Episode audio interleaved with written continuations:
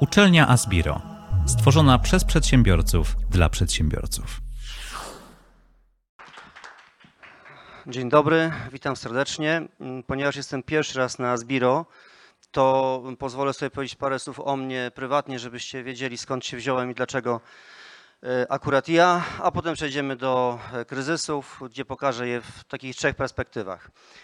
Ja w 1988 roku założyłem firmę, moją pierwszą prywatną firmę, wcześniej jako student pracowałem. W 84, 5 do 88 pracowałem Kajkowskiego, czyli firmy, która, z której wyewoluował potem Procom.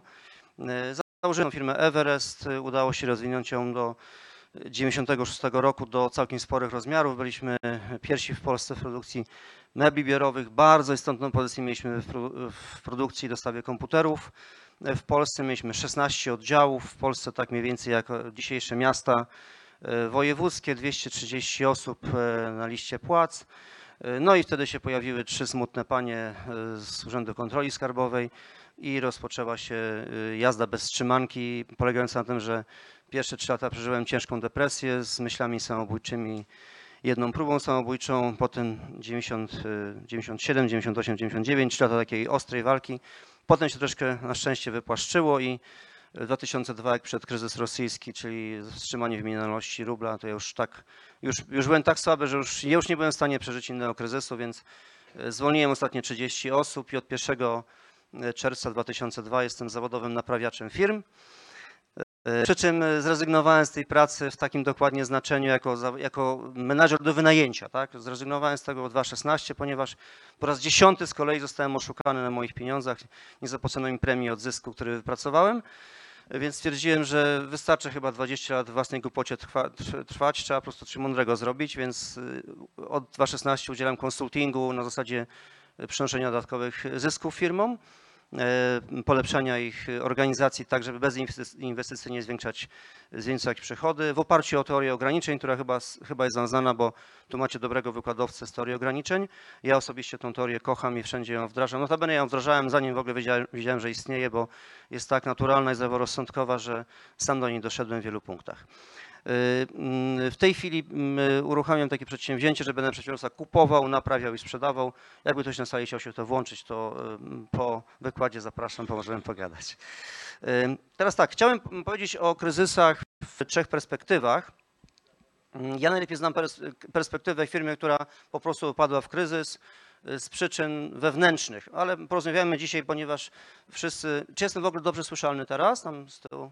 Czyli dobra odległość jest, tak? To jest, jest ok. E, trochę niewygodnie z tym mikrofonem. Myślałem, że będę tylko o tego gadał, no ale tak mnie żeście. bicepsy. Ojejku, muszę żonie powiedzieć, będę zaraz.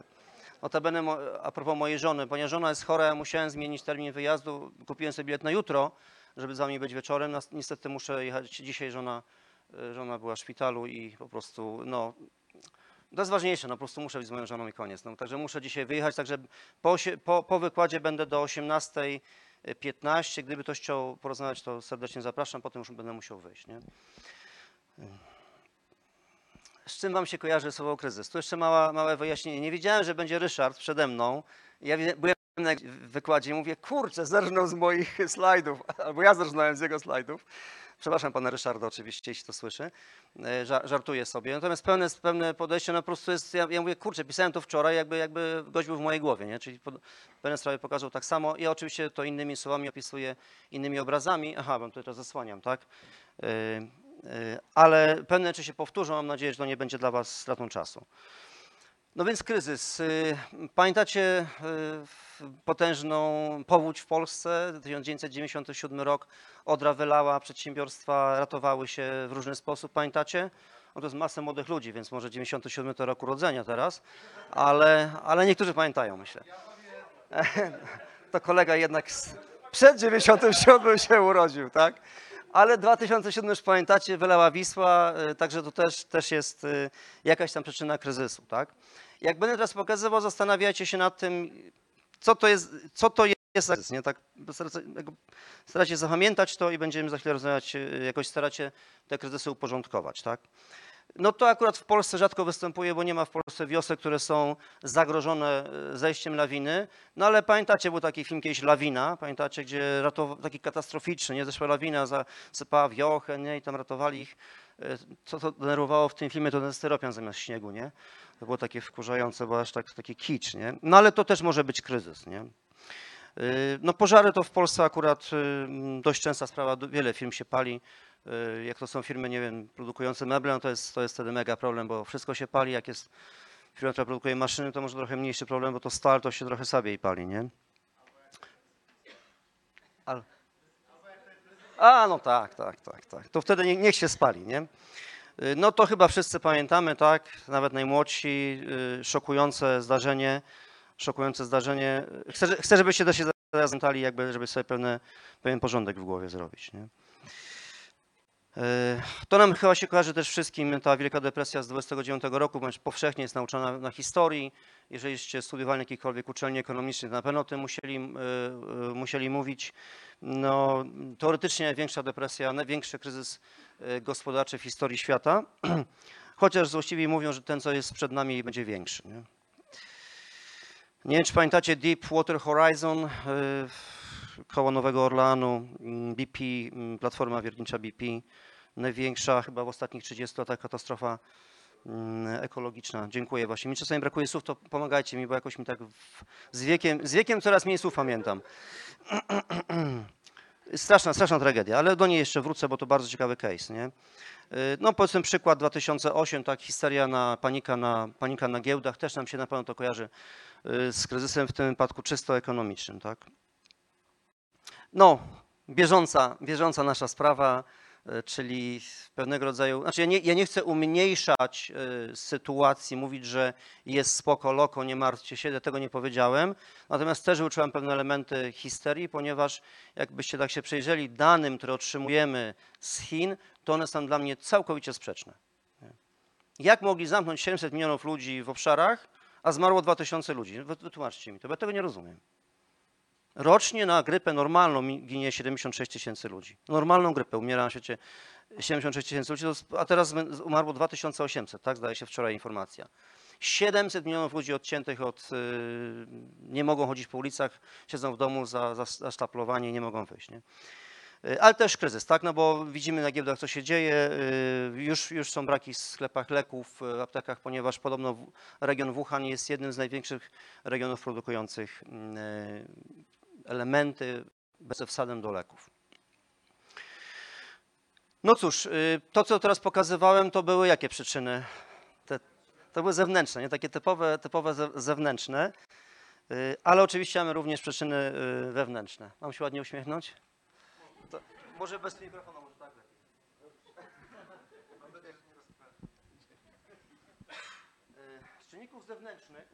z czynników zewnętrznych jak to zdjęcie widzieli, to możemy sobie zadać pytanie, które były przewidywalne, a które były nieprzewidywalne. No jeżeli spojrzymy na, na kwestię 9, 11, 11 września, tak, 11 września, atak na dwie wieże, no to ja przypuszczam, że musiał być ktoś w Mossadzie, żeby to przewidzieć, nie? Albo w CIA. No to on by, by przewidział, bo przypuszczalnie wiedział, tak? Ale poza tym tak, no przeciętnie w świecie to chyba jedna milionowa procenta mogła y, to przewidzieć. To było akurat to było zdarzenie całkowicie nieprzewidywalne, tak? Z punktu widzenia oszacowania prawdopodobieństwa, że, że, że nastąpi.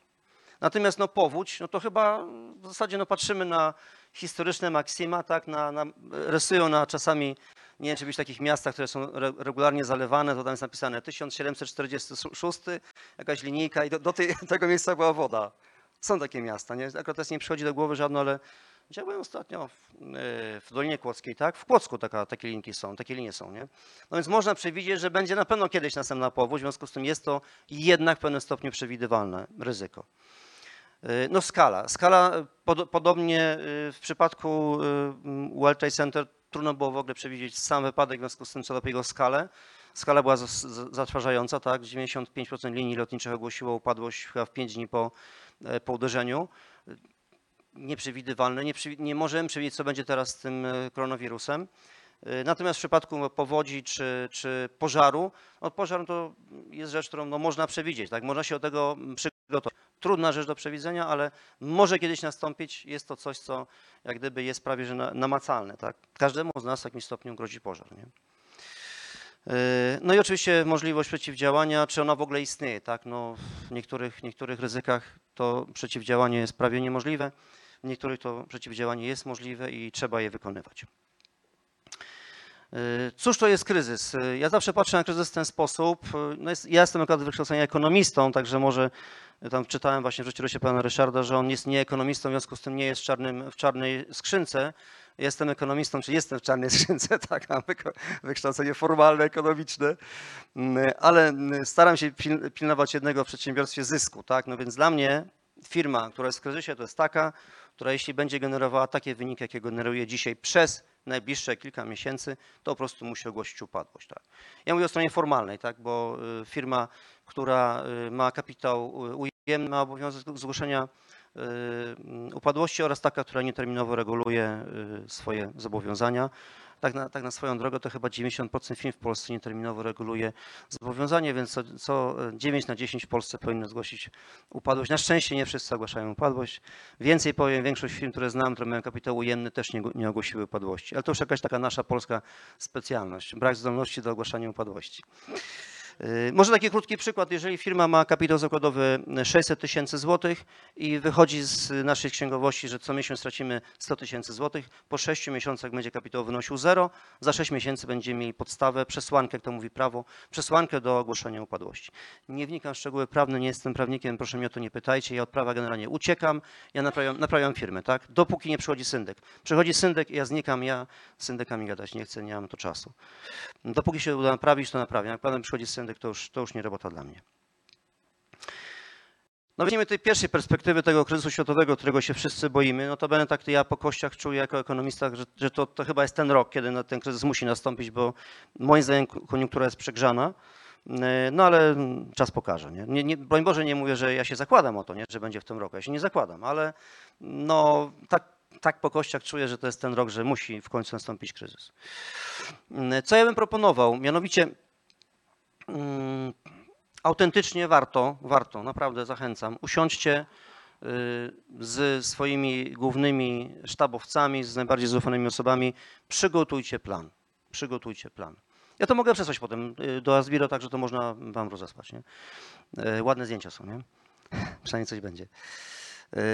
Przygotujcie sobie plan, co się zacznie dziać, jeśli moja sprzedaż spadnie o 5%, spadnie o 10%, spadnie o 15%, spadnie o 50%. Uwaga, branża motoryzacyjna w 2008 roku, jaki miała spadek? 80%. Branża produkcji statków 2008 rok, jaki miała spadek? Maj 2008. Wiecie, jaki ile jaka była ilość zamówionych statków na, w, na całym świecie w maju 2008? Zero. Zero statków zamówiono. Mogę się mylić o jeden miesiąc. Słuchajcie, jest to tak branża zderegulowana, tak totalnie wolna od wpływu rządów. Piękna branża, nie? Zero zamówień było, a w poprzednich miesiącach po 300 statków zamawiali armatorzy, nie? Także trzeba się zastanowić. Oczywiście, jeżeli... Myślałem, że Kasiu do mnie idziesz. Coś źle robię. Y, Także mm, punktem odniesienia jest ta y, kryzys 2008. Piszę 2008-10, bo one w innych czasach występował. W, w Stanach u nas niektóre firmy dotknęły, były dotknięte przez ten kryzys dopiero 2010, nie? więc piszę 2010. Taki jest punkt odniesienia. Jak ktoś pamięta dalej, ktoś, jakieś starsze osoby są na sali, to mogą dalej sięgnąć pamięcią. Bez, złośliwości, bez złośliwości oczywiście, z sympatią. Proszę na mnie spojrzeć. Ja pamiętam jeszcze komunę i to tak dobrze, dobrze komunę pamiętam. Osiągnąłem dorosłość w komunie, także yy, myślę, że warto taki klucz zastosować. Jeżeli produkujecie pieczywo, to najprawdopodobniej nie będziecie mocno uderzeni, bo to jest potrzeba pierwszej potrzeby, po- potrzeba, potrzeba pierwszej potrzeby. No to, no. Produkt pierwszej potrzeby. I wątpliwe, żeby nagle spadła sprzedaż pieczywa o 50%, no raczej niemożliwe. Przewiduję, że może maks 15%, maks 15%. Ja teraz strzelam, tak? To sprawdźcie sobie w statystykach, takie statystyki są. e, Proszę. Może wzrosnąć, tak? Ludzie przerzucą się z... Ludzie się przerzucą wtedy z bułek na chleb i ch- chleb, sprzedaż chleba i produkcja no, wzrośnie. no faktycznie, faktycznie. Także no, jest, mamy punkt odniesienia, taki, taki no, dobrze opisany, no bo to bardzo niedawno, czyli wszystko to w bazę dziecię.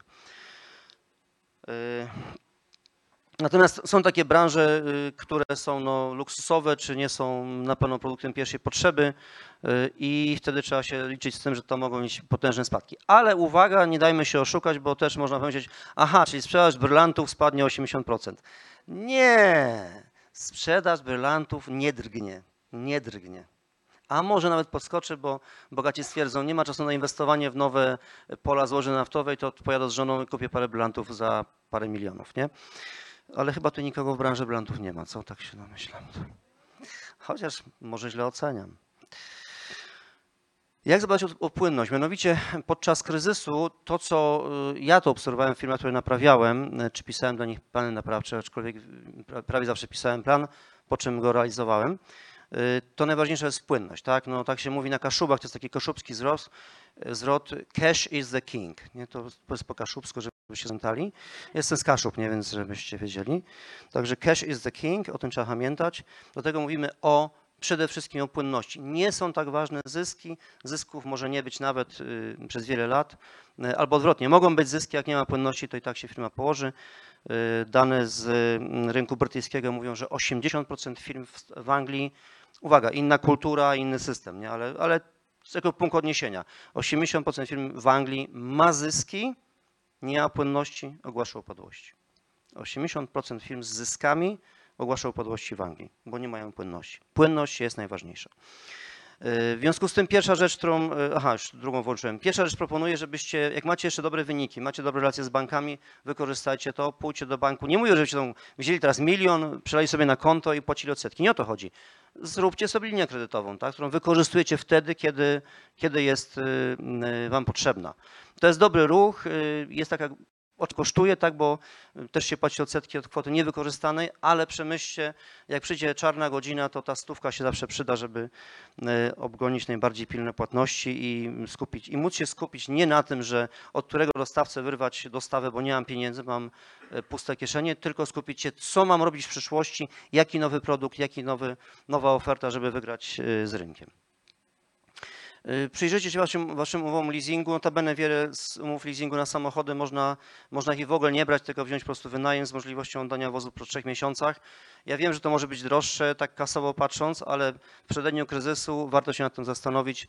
Jak macie, nie wiem, 10 wozów, to mieć możliwość oddać 5 w ciągu trzech miesięcy, to jest, kurczę, to może być dobre, nie? To może być dobre, także pomyślcie o tym. Y, mm, Macie na pewno jakieś lokale, macie jakieś y, inne, inne powierzchnie produkcyjne, magazynowe. Przeczytajcie, przeczytajcie dokładnie umowę, jak ona jest sformułowana.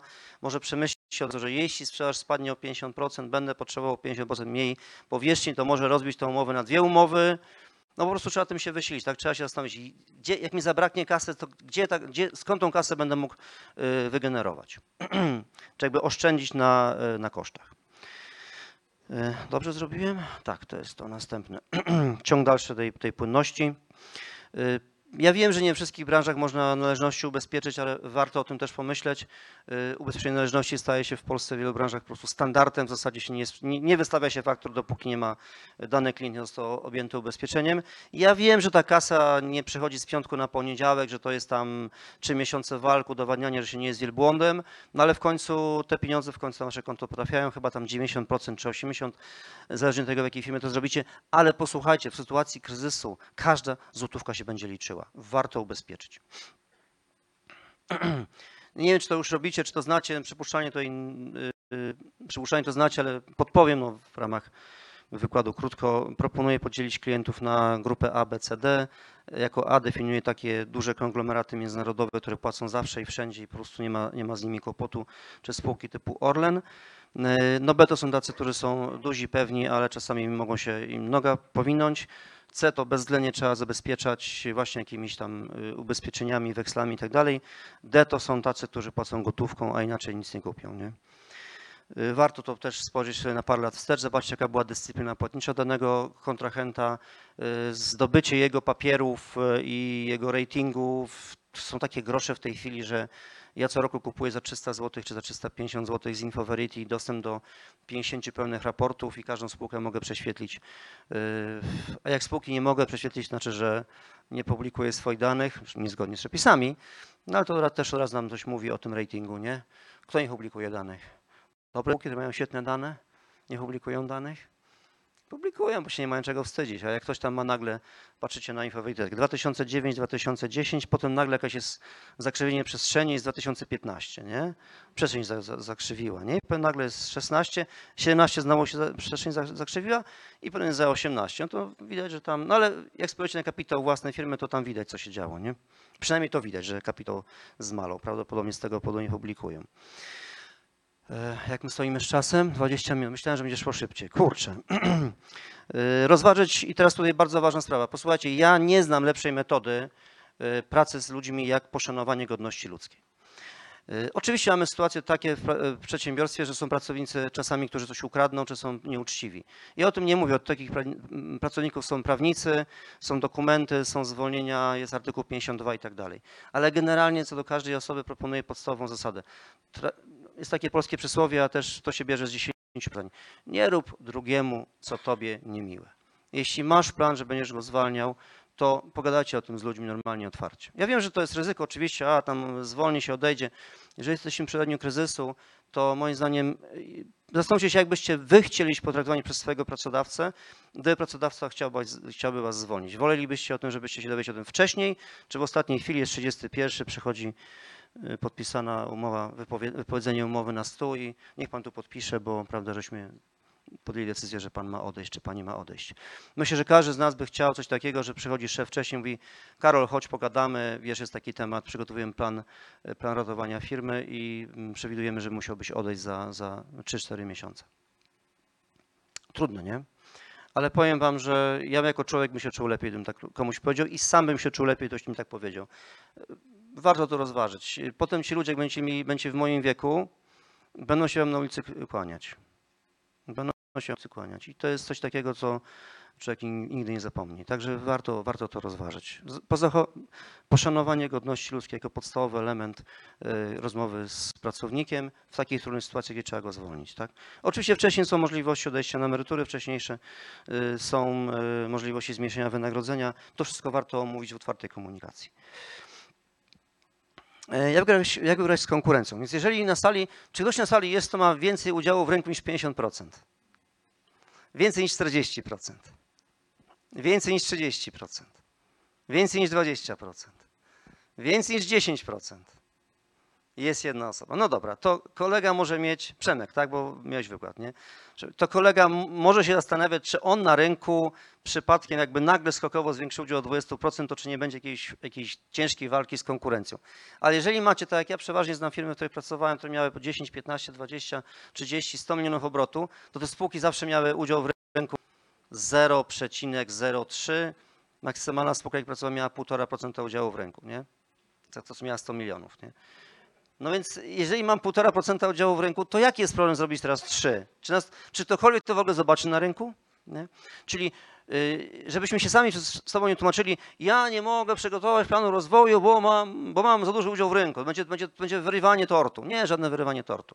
Jak będzie Orlenem, będzie tu prezes Orlenu i będzie mówił, że trudno mu zwiększyć udział w rynku. Ma rację. Trudno, no, no ma rację, no, no, trudno, nie? Ale jak mamy 1,5% udziału w rynku, no 10 to już powiedzmy na granicy, to tam trochę jest, ale macie 1,5%, to możecie spokojnie rosnąć. Więc to jest jakby największa, największa rzecz, jaka jest dla Was, to jest pytanie, co z tego kryzysu y, dla mnie, dla mnie wynika. Y, Też y, Ryszard mówił w swoim wykładzie bardzo fajną rzecz. Każdy kryzys jest kapitalnym momentem do refleksji. Do refleksji, tak? Zastanówmy się, co robimy, jak robimy, jak to robi konkurencja, y, co możemy zrobić y, lepiej. Zwróćcie uwagę na y, naszą giełdę, zwróćcie uwagę na waszą konkurencję, zwróćcie uwagę na giełdę amerykańską. Co się działo w 2008 roku? Były spółki, które w ogóle nie straciły na wycenę. Były takie spółki. Nie? Co one zrobiły inaczej niż, niż 90% spółek, które poszybowały w dół? Nie? Także, ale najlepiej spojrzeć na konkurencję, tak? co, co, co zrobiły firmy, które jednak mimo kryzysu wzrosły. Notabene wielu liderów rynku w tej chwili to są firmy, które w jakimś tam poprzednim kryzysie nie poddały się, nie zwolniły pracowników, zainwestowały nowe produkty, poszły odważnie, zadłużyły się może nawet. Oczywiście nie mówię, że teraz się zadłużcie się w trupa, to ja tego nie powiedziałem, tylko zadłużcie się. Jeżeli macie jakiś dobry pomysł i wiecie, że musi wypalić, no to w takim razie warto zaryzykować. W kryzysie są troszkę inne zasady.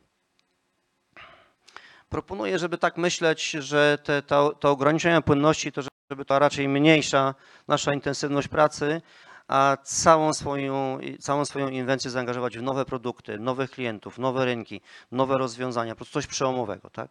To jest czas kryzysu jest czasem przełomu. Oczywiście też mnie za, za, słowo nie ciągniecie, że 80% to trzeba tak dokładnie. Nie? Mi chodzi o to, że raczej więcej czasu na inwestycje, na inwestycje nie mówię koniecznie inwestycje wielomilionowe, tylko inwestycje w sensie naszego wysiłku intelektualnego, żeby coś nowego e, wygenerować. E, bardzo, dosłownie jeden slajd poświęcę tylko na, ten, y, na sytuację taką właśnie spowodowaną powodzią czy innymi zjawiskami przyrody. Są takie narzędzia na rynku, można się z nimi je zastosować. Polecam, warto też nad tym usiąść, czyli zarządzanie ryzykiem, to jest prewencja, tak przygotowujemy sobie macierz ryzyk, oceniamy ich prawdopodobieństwo zaistnienia, skutki y, i to jest jakby strona prewencyjna oraz za nieciągłością działania, czyli co będzie, jak już to będzie, nie? To co wtedy zrobimy, tak? Jeśli się nasz główny serwer w centrali spalił, to co my wtedy zrobimy, nie? No to, jest, to jest już konkretne działania trzeba podjąć, tak? W zarządzaniu ryzykiem oceniamy skutki, tak? Oceniamy szanse, prawdopodobieństwo, natomiast w tym drugim narzędziu, w zarządzaniu ciągłością działania już mówimy, jaki będzie plan B, nie? Albo nie wiem, polecieli na, na targi dyrektor handlowy, główna księgowa, nie wiem, jakiś tam wiceprezes do spraw marketingu i wszyscy zginęli w samolocie prawdopodobieństwo bliskie zera, nie? No bo to najbezpieczniejszy środek transportu, tak się tego wydaje, nie? Że, ale gorzej gdyby pojechali samochodem, nie? Bo to prawdopodobieństwo jest znacznie wyższe, ale w samochodzie się ludzie ratują, a w samolotach rzadko, bardzo rzadko. Tutaj więcej nie chciałem mówić, bo to jest taki temat, że to można by z tego zrobić tam dwudniowy wykład, nie? więc to nie ma sensu. Y, to jest taki slajd, który bym chciał, żebyście zapamiętali, bo jakby jest dla mnie fundamentem, dlaczego jak, jak żeście powinni uniknąć kryzysu, tego spowodowanego przyczynami wewnętrznymi. Jeżeli będziecie przez cały czas patrzeć na swoją firmę w ten sposób, że halo, halo, halo, przecież mam konkurenta po lewej, mam konkurenta po prawej, on też na tym samym rynku działa, Y, sprzedaje tych samych klientów, jak ja się mam do niego? To jest podstawowe pytanie. Jak ja się mam do mojego klienta? Czyli benchmarking, nie? Kolejne kaszubskie słowo, to się zapamiętali sobie. Przepraszam za, nie, nie znam fajnego odpowiednika w języku polskim, ale po prostu porównywanie się ze swoją konkurencją jest naprawdę y, kapitalnym, najlepszym narzędziem. Nic chyba prostszego nie ma, żeby się z konkurencją porównać. I to wam, jeżeli będziecie to wykonywali regularnie. Ja też nie mam dla Was recepty i powiem, że, że Krzysztof to się musi porównywać e, co miesiąc, a, a Basia to ma się porównywać co pół roku. Nie. Zobaczcie, jaka, jak, z jaką dynamiką w Waszej branży występują zmiany.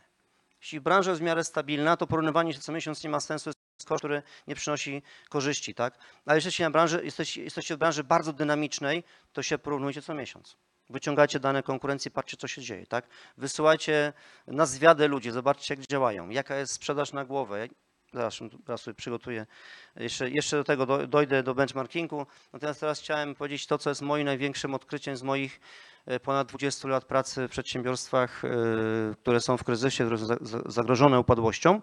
Włącznie z tą moją firmą, tak, bo ja też, też wiem, co mam za uszami no nie, nie za bardzo się tym lubię chwalić, bo to jest przykre powiedzieć o sobie parę z, y, przykrych słów, ale, ale, ale powiem, żebyście wiedzieli, skąd się bierze w ogóle całe zło. Pokażę pewną drogę, tak, od sukcesu. Nie? Na początku jest sukces. Założyliście firmę, zdobyliście klientów, y, no jakaś, jakaś fajna insignia, czy jakiś inny tam pasacik stoi pod domem. A, nie? jestem dobry przychodzą ci, którzy nas, y, jak to się mówi, tak ładnie o nas mówią, tak, że słodzą, tak? Przychodzą ci od słodzenia. Jak to się po polsku mówi, to... No dobra, nie będzie słodzą, nie? Zaczynamy wierzyć w siebie. Wierzymy w siebie, nie? Uwaga, jeszcze jesteśmy na bezpiecznej stronie, jeszcze jesteśmy po bezpiecznej stronie. Macie wierzyć w siebie w zdrowym wymiarze. Ale jak za bardzo wierzymy w siebie, to przychodzi pycha Ja jestem tego dos- doskonałym przykładem. Dobrze, że mnie nie znacie sprzed 30 lat, bo byście ze mną nie wytrzymali dłużej niż 15 sekund. Yy, Pycha. Do czego prowadzi pycha? Zaślepienie. Pycha zaślepia. Nasze, jak to też mówił Ryszard, że mamy tylko pięć zmysłów i też jeszcze tego słabych, no to w sytuacji pychy to ta słabość się pogłębia. Dobre okulary nie wystarczają. Przestajemy słuchać, przestajemy realnie oceniać rzeczywistość. Uwaga, zapamiętajcie to. Przestajemy, przestajecie, ten to jest pyszny, realnie oceniać rzeczywistość. Co z tego się rodzi? Z braku realnej oceny rzeczywistości rodzą się błędy w zarządzaniu. Poważne błędy. I one prowadzą do kryzysu. To jest taka ścieżka, notabene jakbyście poczytali pa- parę artykułów o pysze y, naukowych. Jestem w szoku, słuchajcie, w ostatnim okresie znalazłem tyle artykułów o pysze. Y, Ang- Amerykanie nazywają to hubris, nie? takie mało używane słowo. Też pierwszy raz się zawsze myślałem, że będzie conceited, nie? że zarozumiałe. Nie? To jest hubris, takie słowo jest. Y, Zaraz do niego jeszcze przejdę. To jest niesamowite, jak wiele błędów powstaje z tytułu pychy. Pycha prowadzi do takiej sytuacji. Y, Czy już mogę pokazać wersję damską? Wersja dla pań. Y, Amerykanie mówią, że to jest tak zwany reality gap, czyli, czyli prawie mówiąc, prawdę mówiąc schizofrenia. Tak? To jest pewnego rodzaju, widzimy rzeczywistość inaczej niż ona faktycznie się przedstawia. Przyczyną, korzeniem zła jest pycha. Y, Czy ktoś będzie mi w stanie powiedzieć, jaka jest różnica między tymi dwoma obrazkami? Prócz tego, że jest inna płeć, nie? Czy ktoś wie, jaka jest różnica tutaj? Dziękuję, dziękuję. Słuchajcie, to jest niesamowite i tutaj teraz przejdę, teraz tak, panowie, tylko mnie zaraz nie wynieście na tarczce. Powiem parę negatywnych słów o panach. Sam jestem mężczyzną, więc y, nie możecie mi zarzucić, że jestem jakimś, nie wiem, y, że mówię to z pozycji kobiety. Y, Powiem paniom kilka miłych słów. y, Kocham wszystkie panie, są piękne i tak dalej. To wszystkie wie, wiedzą wszystkim, oczywiście moją żonę. Posłuchajcie, to jest niesamowita rzecz, jak jest to w literaturze bardzo dokładnie opisane. Coś, co ja osobiście zaobserwowałem na własne oczy i prawdę mówiąc jestem, jestem po prostu aż wręcz porażony. Mianowicie my mężczyźni bardzo szybko opadamy w pychę, w związku z tym uzyskujemy coś takiego jak zaślepienie, y, ogłuszenie, tak, nie, nie słyszymy y, i w związku z tym wchodzimy w każdy kryzys jak w masło, jak w masło. Kobiety mają nieprawdopodobną umiejętność antycypowania. e, Przepraszam za kolejne trudne słowo, ale antycypowanie ma tę zaletę do wymienienia, że zawiera sobie dwa czynniki, dwa elementy. Antycypowanie mówi o tym, że ktoś coś przewiduje, ale uwaga, i działa. Kobiety antycypują kryzys. Kobiety antycypują kryzys. Kochani panowie, macie obok siebie swoje kochane żony, wspaniałe kobiety, musicie z nimi gadać i je słuchać. Nawet jeśli was wkurzają. Bo mnie moja żona tak wkurza, jak mi mówi o tym, że coś robię źle, że po prostu dostaję szału. Po czym rano przychodzę i mówię, kochanie, miałaś rację. Ale to właśnie jest pokora, nie? Przeciwieństwo pychy.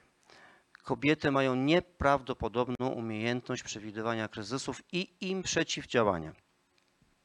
I oprócz pisania, y, oprócz pisania planów kryzysowych, oprócz robienia benchmarkingu, w pierwszej kolejności gadajcie ze swoimi e, żonami czy innymi zaufanymi e, kobietami, które mają zupełnie inne spojrzenie niż my. Może jedna informacja jeszcze. Też ostatnio wyczytałem w takim fajnym artykule naukowym, że jeżeli w spółce, mowa jest o dużych spółkach z Fortune 500 e, ze Stanów, jeżeli w Radzie Dyrektorów zwiększa się udział kobiet o 10%, prawdopodobieństwo tego, że spółka nie będzie miała strat i będzie miała zyski, roś, rośnie o naście czy 10%. To jest niesamowita, niesamowite. Badania zrobione bardzo dokładnie, jak, jak to Amerykanie wszystko mierzą.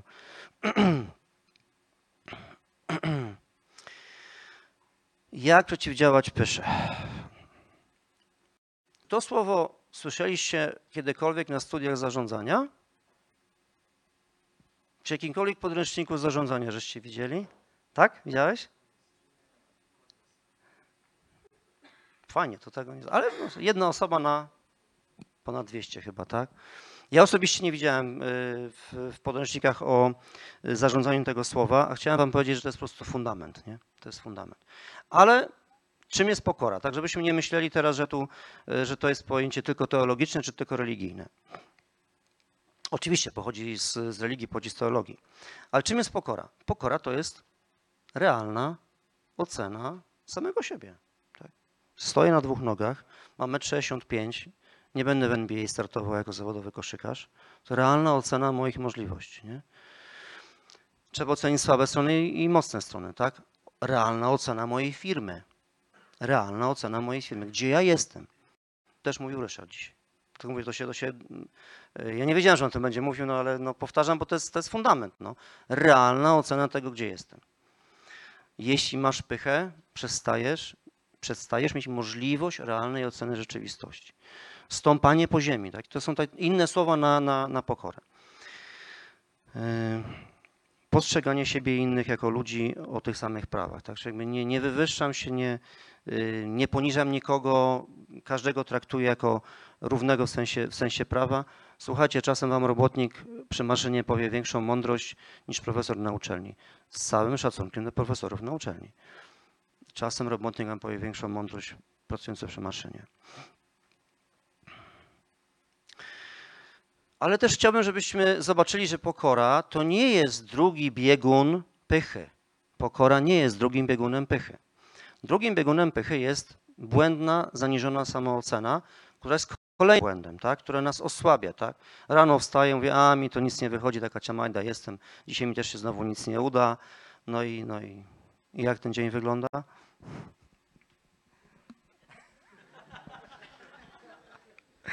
I tu się włączyła realna samoocena, będzie wyglądał super.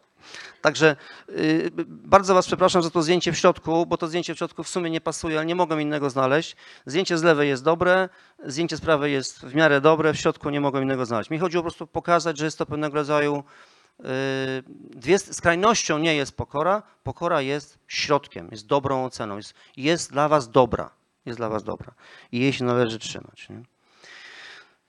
Yy. No właśnie, co, co robić, żeby ćwiczyć się w pokorze, szanować zdanie innych, rozważać się. To, co mówiłem z tą żoną, ja się wściekam, bo mi mówi rzeczy, które mnie po prostu denerwują, rano wstaję i przemyślam, mówię, no nie, no miała rację, tak? Czasami ktoś mówi, wydaje nam się, że nie mówi zbyt mądrze. Notabene znacie, że jest taka książka Co mężczyźni wiedzą o kobietach, znacie tą książkę? Ma około 5 tysięcy stron, strasznie gruba, ostatnio wznowiono wydanie, przy czym wszystkie kartki są puste, nie? Tej książce. Yy, pusta ryza to jest więcej, to jest książka, co mężczyźni widzą kobietą. Warto z kobietami rozmawiać, bo my ich nie rozumiemy, ale warto się starać zrozumieć. Po 50 to wychodzi lepiej, powiem wam. Także nie traćcie nadziei. Proszę? Yy, pojemność, chodzi się o wielkość książki? Nie, ja mówię o swojej, ja mówię o swojej percepcji, że po 50 zacząłem moją żonę więcej rozumieć i mogę tylko stwierdzić, że jest coraz mądrzejsza. E, no nie wywyższać się, to są właśnie te elementy. E, słuchajcie, to jest też taka bardzo ważna sprawa. No, mm, nie słuchajcie tych osób, które są od was uzależnione, no bo te zawsze będą, mają taką tendencję, że wam coś powiedzieć miłego, no bo taką mają funkcję, taką mają sytuację, takim są miejscu. Mogą się bać, nie?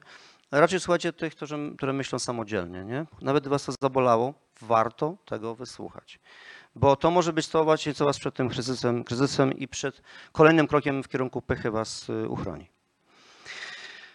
E, no, każdą decyzję strategiczną, czyli taka, taką, która może mieć duże skutki. Nie mówię o decyzjach operacyjnych, tam, że dzisiaj na pierwszą zmianę przyjdzie Krzysiek, a na drugą przyjdzie Tomek, no to takiej decyzji nie potrzebujecie jakiejś szczególnej pomocy, ale do decyzji strategicznych, w którym kierunku pójdziemy, kupujemy firmę, sprzedajemy firmę, zamykamy zakład, otwieramy zakład, kupujemy dużą maszynę za parę milionów złotych, no to się trzeba grubo zastanowić.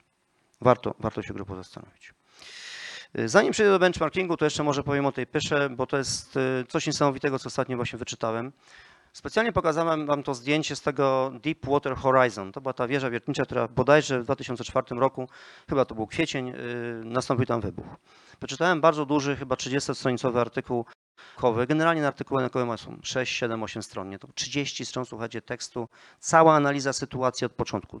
Y, chcę o tym powiedzieć, bo to jest niesamowity przykład rozwoju y, pychy i konsekwencji, które wszyscy znamy w postaci katastrofy ekologicznej.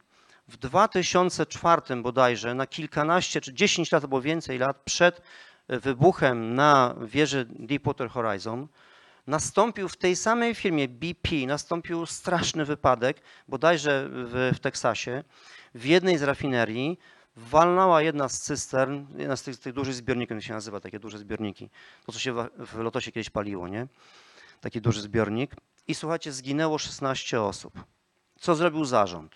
Zarząd BP. Oczywiście na cały świat, że tym razem to już my teraz zrobimy taką analizę i tak zmienimy nasze procedury bezpieczeństwa, że po prostu mucha nie siada i tam oczywiście wywiady y, w wszystkich najbardziej znanych czasopismach, w prasie, w telewizji. itd. Zatrudnili wtedy y, babkę, mm, profesorkę od bezpieczeństwa, która y, poprosili ją, żeby ona zrobiła im serię szkoleń. No ale co może zrobić konsultant z zewnątrz, jeżeli nie ma wsparcia zarządu? Konsultanci, jak są na sali, to chyba wiedzą, co można zrobić, nie? Można wypić dobrą kawę, można pójść na lunch z pracownikiem. I to jest koniec tego, co możecie zrobić. Ta babka siedziała tam 10 lat, słuchajcie, 10 lat. Mało tego. Powołano audyt wewnętrzny, własny audyt, tak? Wyniki audytów, bo ta babka robiła najpierw audyt, potem robiła szkolenia. W wyniku obu audytów były druzgocące. Brzmiały następująco. Mamy w BP dokładną procedurę, jak nosić gorącą kawę, żeby się nie poparzyć. Słyszycie? Jak nosić gorącą kawę, żeby się nie poparzyć. Nie mamy w BP procedury uruchomienia nowego odwiertu. Rozumiecie? Słyszycie? Nowy prezes, który przyszedł, jak się dowiedział o tych raportach, to powiedział, nie no, mega, mamy raporty, tu wdrażamy i tak dalej. Na czym polegał problem? Zarząd wdrażał to tylko słowami. Nie było żadnej decyzji typu, to jest priorytet. To jest po prostu priorytet i koniec, nie ma w ogóle dyskusji. Nie było takich decyzji. Była decyzja werbalna, tak, tutaj pokazuje się tam CNN czy innej, fajnie, tak, prezes sobie pokazuje, robi swoje ego, buduje swoje ego i efekty są takie, jakie e, były na Deep Horizon. Co się stało na Deep Horizon? Ja to oczywiście mówię na podstawie artykułu naukowego, który być może zawiera jakieś błędy, zastrzegam się, ja to tylko wyczytałem, tak? Ale bo to było dla mnie porażające. Bo ja to widzę jakby na co dzień w firmach, które naprawiam, tak? Widzę po prostu pychę, która zaślepia, co prowadzi do kryzysu. E, Mianowicie podczas uruchomienia nowego odwiertu i podłączenia tej rury istnieje coś takiego jak procedura sprawdzania podciśnieniowego. Coś tam sprawdzają. Oni tego nie sprawdzili. Wykonali procedury, bo nie mieli jasnych, nie, te procedury nie były jasne, nie były weryfikowalne, nie były, nie były niepodważalne, tak? nie były tak wdrożone w tym systemie, że po prostu nie przechodzimy do kroku B, dopóki, tak działają procedury, tak? nie robimy kroku B, dopóki nie zrobimy kroku, kroku A. Nie? I potem jest właśnie ocena tej sytuacji. Zgadnijcie, co powiedział prezes po wypadku. Jak już walnęło i zalało pół Zatoki Meksykańskiej, zalało ropą. Co powiedział prezes?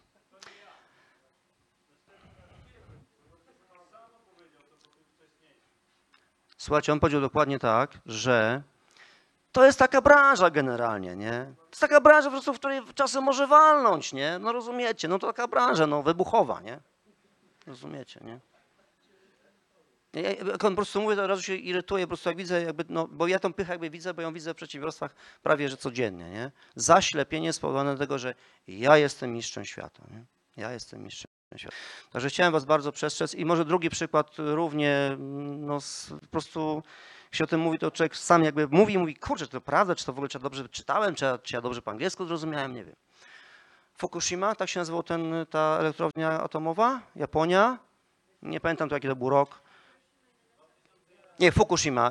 y, Chodzi mi o elektrownię atomową. Tsunami. Tsunami. Tak, walnęło tsunami, wybuch elektrowni, skażenie, skażenie mega na y, olbrzymią, olbrzymią przestrzeń. Czytałem znowuż artykuł naukowy, znowuż gruby jak nie wiem co, ale to długa historia. Słuchajcie, 20 lat temu zarząd elektrowni atomowych w Japonii miał pierwszy, min, pierwszy miał y, pierwszą informację o tym, że jest y, bardzo źle, jeśli chodzi o jakość zarządzania serwisem y, w wszystkich elektrowniach. Wszystkich elektrowniach, w Japonii. że serwis robiony jest w niedoczasie, nie jest weryfikowalny, nie jest systematyczny, nie jest zgodny z manualami producentów. Słyszycie? Tak. Przez 20 lat te informacje były ukrywane. Przez 20 lat tego nie naprawiono. Walnęło w końcu walnęło, zniszczyło środowisko naturalne. Mówię o tym tak ostro, żebyście zobaczyli, jak, jak, jak, do jakiej głupoty może człowiek dojść, jeśli się zaślepi y, pychą. Nie?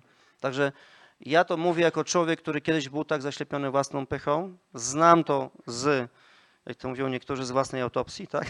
Przepraszam. Znam to z autopsji. Więc y, oczywiście mówię, jest mi to ciężko mówić, nie? No, ale ja wiem, jak byłem zaślepiony. Tak? I ja nikogo nie słuchałem, wszyscy dla mnie byli do rozstawienia po kątach. Tego wam nie życzę, bo to jest straszny stan i z niego się długo wychodzi. Wychodzi się przez bardzo bolesne kryzysy. To co, zbliżamy się do końca. Chciałem wam zaproponować to narzędzie benchmarkingu. Wspomniałem wcześniej, żeby benchmarking polega generalnie na porówn- porównywaniu się. Yy, Czyli na początku zbieramy własne wyniki, następnie zbieramy wyniki yy, konkurencji i porównujemy się z tą konkurencją. Robimy analizę, co, co, z tych wyników, yy, co z tych wyników dla nas, jakie są, jakie są wnioski i oczywiście punkt czwarty podejmujemy działania. Takie propozycje pierwsze z brzegu yy, w waszej branży te propozycje mogą wyglądać inaczej, ale ja bym, ja osobiście jak porównuję dla moich klientów, jak, jak wchodzę do przedsiębiorstwa i zaczynam jakąś naprawę czy jakiś inny projekt, podwyższenia efektywności, to no, ściągam z Infoverity wszystkich konkurentów, pytam się, którzy są konkurenci, ściągam ich, wrzucam to do Excela i porównuję wszystkie podstawowe parametry. Jak wygląda- sprzedaż, dynamika sprzedaży, marża, zysk na handlowca, jak wygląda sprzedaż, zysk na jednego pracownika, jak wygląda zwrot z zainwestowanych pieniędzy, czyli od kapitału własnego, to jest taki typowy element dla właściciela, tak? Jak wygląda return on assets, to jest bardziej menedżerska, czyli jak, jak, ja, jak ja efektywnie gospodaruję powierzonymi mi zasobami, tak? No bo to jest większa wartość, tak? Aktywa, y, return on assets to jest większa wartość, assets są większe niż kapitał nasz własny zainwestowany, bo jest dźwignia, tak? Inne wskaźniki, proszę bardzo. Y, To jest, to jest super ważne, żeby to, to porównać i mówię, w branżach dynamicznych trzeba się porównywać często. Y, Dynamika, czyli ja nie mówię, że porównujecie tam z wczoraj, tak? Czy tam sprzed roku, bo dane są przeważnie sprzed roku, to, tak by to, nic, to nic nie daje, ale jak porównacie dane 2008, 2009, 2010 i patrzycie, jak to się po prostu kształtuje, to wtedy macie mega informacje. Widzicie trendy, trendy widać. Yy, No oczywiście warto wejść głębiej w marketing i jaka jest ilość nowych produktów, tak? Czy my przypadkiem zostajemy gdzieś w tyle, sprzedajemy stary produkt, który za kilka miesięcy w ogóle spadnie z rynku. Yy, Co jeszcze miałem powiedzieć? Aha, bo ja już myślałem, że a czy jednak zdążyłem? Dobrze, to mi zostało jeszcze kilkanaście minut. To może ja przejdę w takim razie jeszcze do y, jednej, pokażę wam w takim razie, mam kilka zapasowych slajdów. Udało mi się zdążyć. Ja się bałem, że nie zdążę tego powiedzieć w godzinę. Bo jestem gaduła, nie to chyba widać, tak? Więc się bałem, że zagadam was. To może powiem o tych przyczynach wewnętrznych kryzysu, które no, po prostu są często y, spowodowane właśnie tym, że zaczynamy mieć zły, y, no, nie widzimy rzeczywistości taką, jaka jest, tak? Pierwsza, pierwsza, pierwsza z przyczyn, tak? czyli przestarzałe branże, kurczący się rynek. Jakieś przykłady z życia wzięte?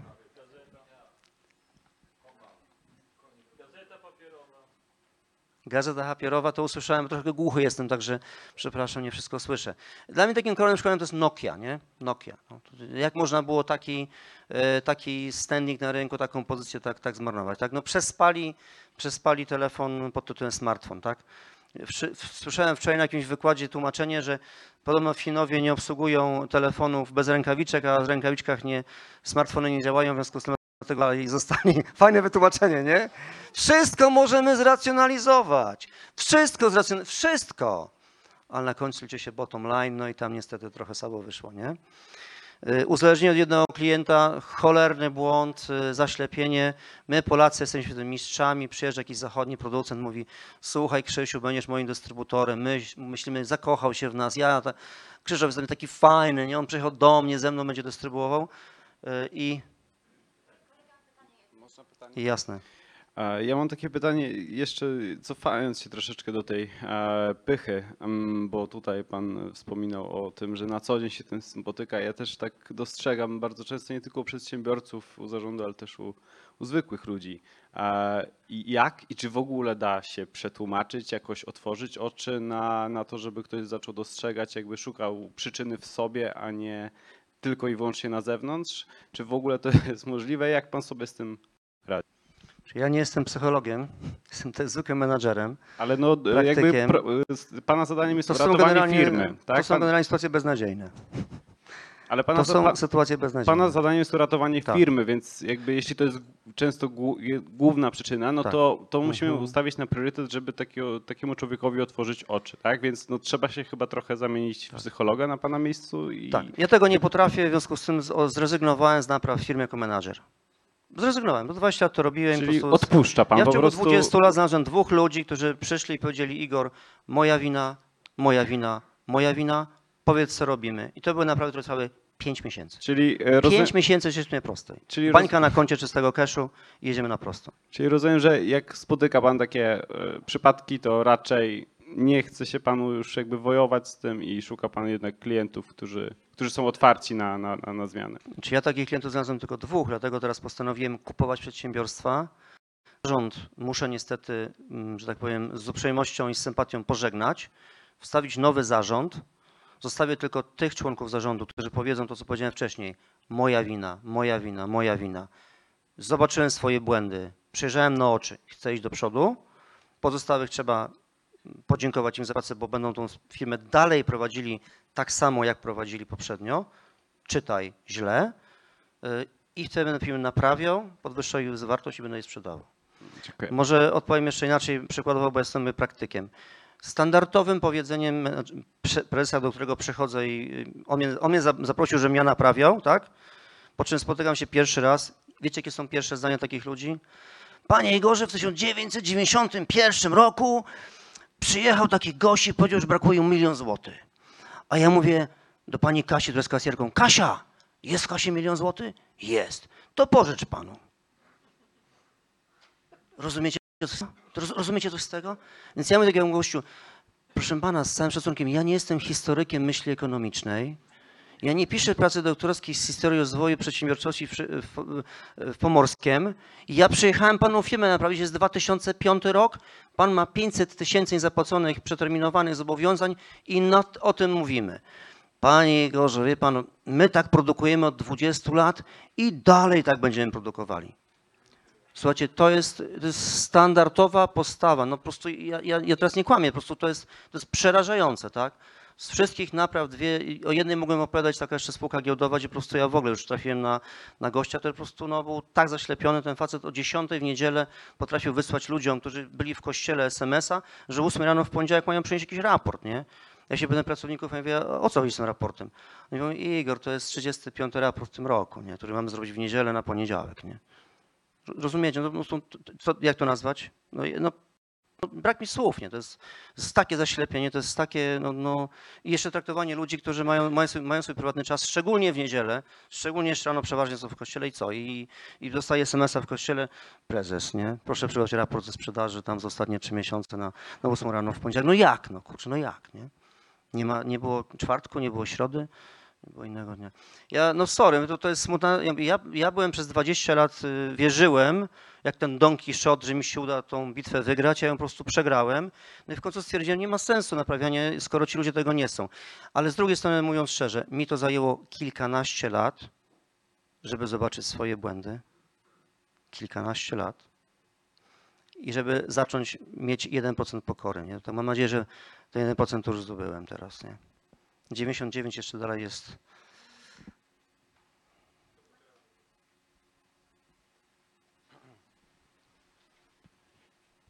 Dziękuję.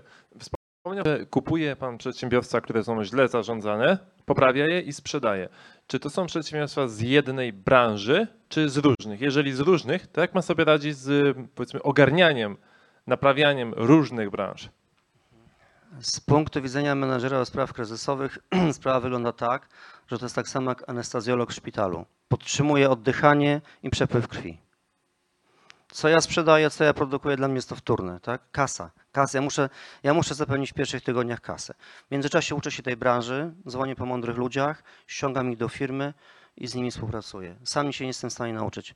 Naprawiałem firmę produkującą wentylatory, naprawiałem półtora roku, wyszedłem z tej firmy, nie wiedziałem jak wentylator wygląda. Oczywiście upraszczam teraz, nie?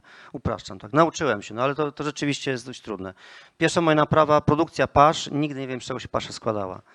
Yy, Nie znam się na tym. Handel zbożami, nie znam się na tym. Ale, ale firma miała 3 miliony kapitału, na tym się znam. Na tym się znam. I 12 milionów przy kapitale własnym 2,5 miliona, 12 milionów w należnościach zagrożonych i trzeba było to ratować. I udało się w 6 miesięcy. Ale to był ten pierwszy, który powiedział moja wina, moja wina, moja wina. Udało się w 6 miesięcy tą firmę uratować. Nie? Nie wiem, czy odpowiedziałem na pytanie. Ja mam jeszcze tak osobiście jedno pytanie. Czyli w Pana przypadku, tutaj właśnie to Pani z mikrofonem, dokładnie. Um, czyli w Pana przypadku Pan mm, nie zna się na produkcji, ale Pan po prostu ćwiczy system i naprawia Pan system w firmie, a nie sam produkt, nie ulepsza Pan struktury, tylko sam system, który w tym przedsiębiorstwie jest. Dobrze Znaczy, zrozumiałam? Są obszary, na których znam się bardzo dobrze. bo Jak otwierałem swoją firmę Everest, to zaczynałem sam, potem miałem wspólnika, potem miałem e, sekretarkę, potem miałem e, sprzedawcę i tak dalej. I tak, widzę czas, widzę, widzę, mamy 4,5 minuty jeszcze. E, Więc jakby ja umiem zarządzać przedsiębior- z punktu widzenia dyrektora, prezesa. Rozumiem. Tysiące spraw robiłem sam, no bo no, jak zaczynałem własną firmę, to robiłem import z Chin i tak dalej, tak? No więc i teraz jak wchodzę w przedsiębiorstwo, to w pewnych, w pewnych rzeczach, na sprzedaż B2B, nikt nie będzie mi mówił, jak, się, jak ją zorganizować, ja po prostu to wiem, umiem, miałem 16 oddziałów, miałem 80 handlowców, mam to, mam to po prostu przećwiczone, tak? I w każdej firmie B2B to będzie wyglądało podobnie, tak? Zmienią się zakresy geograficzne, zmienią się systemy jakieś tam docierania do klientów, ale co do zasady jest to samo. Natomiast rzeczywiście, no jakbym poszedł do jakiejś firmy farmakologicznej, y, biotechnologicznej, to chyba bym się, chyba bym się wycofał, tak? Bo to byłaby chyba taki przeskok. Aczkolwiek nie, musiałem zobaczyć papiery, musiałem zobaczyć, jaki jest problem. Zgodnie z teorią ograniczeń najważniejsze jest znaleźć ograniczenie, wykorzystać to ograniczenie, podporządkować całą firmę pod ograniczenie. Jak to się zrobi, to po trzech miesiącach jest bańka czystego kaszu na koncie. Upraszczając oczywiście. Nie? A w międzyczasie człowiek się nauczy od y, kolegów, którzy są pokrewnych, jak to działa. W, ka- w każdej naprawie miałem takich kolegów, gdzie dzwoniłem i wracając z roboty, powiedzmy o 18 wyjeżdżałem z roboty, jechałem do domu dwie godziny, przez telefon gadałem z gościem i tłumaczyłem, jak ta branża działa. No tak to robiłem. No. Jestem praktykiem, także się uczyłem po prostu w locie. Nie? No trzeba się uczyć w locie. Ale w nauce jest najważniejsza krzywa, tak, na początku te pierwsze dwa dni są trudne, a potem to już wszystko idzie prosto. Zostało mi półtorej minuty, także nie wiem, to chyba już nie będę kontynuował, co? To może jakieś pytania jeszcze są? Tam z tyłu jest kolega jakiś.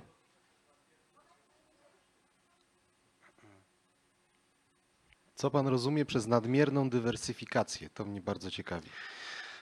Yy, mm, Mi chodzi o taką rzecz, w której yy, nie wiem, czy pan jakby spotkał się z takimi ludźmi, że tak, prowadzi na przykład sprzedaż obuwia, nie? I mu to mega idzie, nie?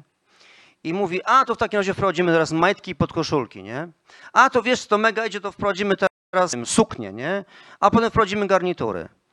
Gdzieś jest ta granica, gdzie kompetencje menadżera się kończą, tak? My nie znamy się na wszystkim. I to jest cholernie niebezpieczny moment, żebyśmy nie zrobili zbyt dużej dywersyfikacji. Ja nie mówię o GE, która w latach 80. kupiła, nie wiem, tysiąc firm, tak? Ale te wszystkie firmy były pilnowane finansowo. Miały własne zarządy, które były perfekcyjne w tym, bo GE kupowało tylko i wyłącznie liderów albo firmę B, nie? Z rynku. Czy kupowali najlepszą firmę albo drugą. I i po prostu łączyli to w jeden duży konglomerat na bazie finansowej. Nie? Czyli to nie była dywersyfikacja, tak? bo ten Jack Welch siedział sobie za fotelem i sprawdzał tylko cyferki. On tam się nie wnikał, czy jak się produkuje lodówki, jak się produkuje silniki, bo to nie był jego temat. Tak? On był od tego, żeby całą firmą zarządzać od strony finansowej, parametrów. Natomiast mi chodzi o to, że jeżeli my, mali polscy przedsiębiorcy, nagle mówimy, dzisiaj sprzedaję opony, dobrze mi idzie, to za chwilę zacznę sprzedawać buty, no to dla mnie ta dywersyfikacja to jest bardzo groźna. Czas mi się kończy. Bardzo dziękuję, serdecznie dziękuję. Y, Jakbyście Państwo mieli ochotę pogadać, będę, będę w kuluarach.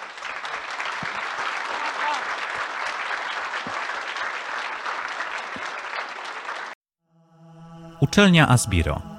Stworzona przez przedsiębiorców dla przedsiębiorców.